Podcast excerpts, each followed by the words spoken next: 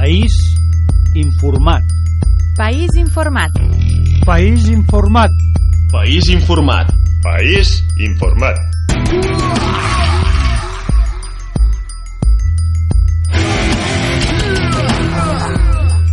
País informat. informat.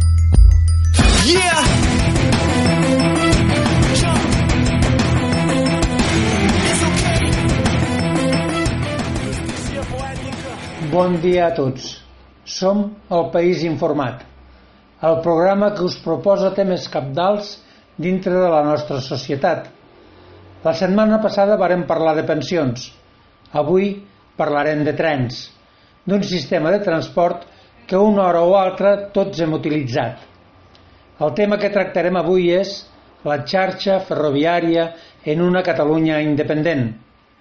Si a l'Anglaterra victoriana el primer ferrocarril rudimentari es va construir el 1825, només 23 anys més tard, a Catalunya, el 1848, es va construir un ferrocarril per unir Barcelona amb Mataró. Aquesta va ser la primera línia fèrria de la península. Tot el progrés assolit en els dos darrers segles es deu en bona part a l'invent de la màquina de vapor. El trànsit de mercaderies fet a damunt dels vagons que seguien el traçat de les vies va modificar i activar tot el comerç mundial. Les matèries primeres de les colònies es duien cap a Europa per transformar-les.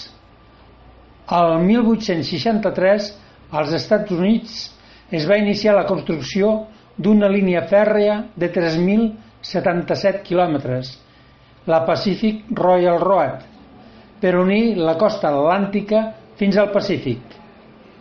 Podem ben afirmar que el ferrocarril està íntimament lligat al progrés. Sense anar més lluny, ben a prop nostre, es va construir el Carrilet, un tren de Manresa a Guardiola del Berguedà, amb un ample de via de 750 mil·límetres, que enllaçaria les colònies tèxtils de l'Alt Llobregat al 1885. S'inaugurà el tram Manresa-Porreig aquest mateix any. Dos anys després s'acabaria el tram entre Puigreig, Olban i Berga. L'objectiu d'aquesta via, a part de conduir passatgers, era portar fins a Manresa el carbó de les mines de fígols i també el textil que es manufacturava en tot el tram del Llobregat, per on passava el tren. A Catalunya, els industrials van ser els primers en apostar per l'ús de les màquines de vapor i tenir un transport segur i ràpid. Avui, aquí a Ràdio Sant Pedó, volem parlar de la nostra xarxa. Els trens del segle XX anaven a una velocitat mitja de 60 o 80 km hora. Actualment poden anar a més de 200 km hora.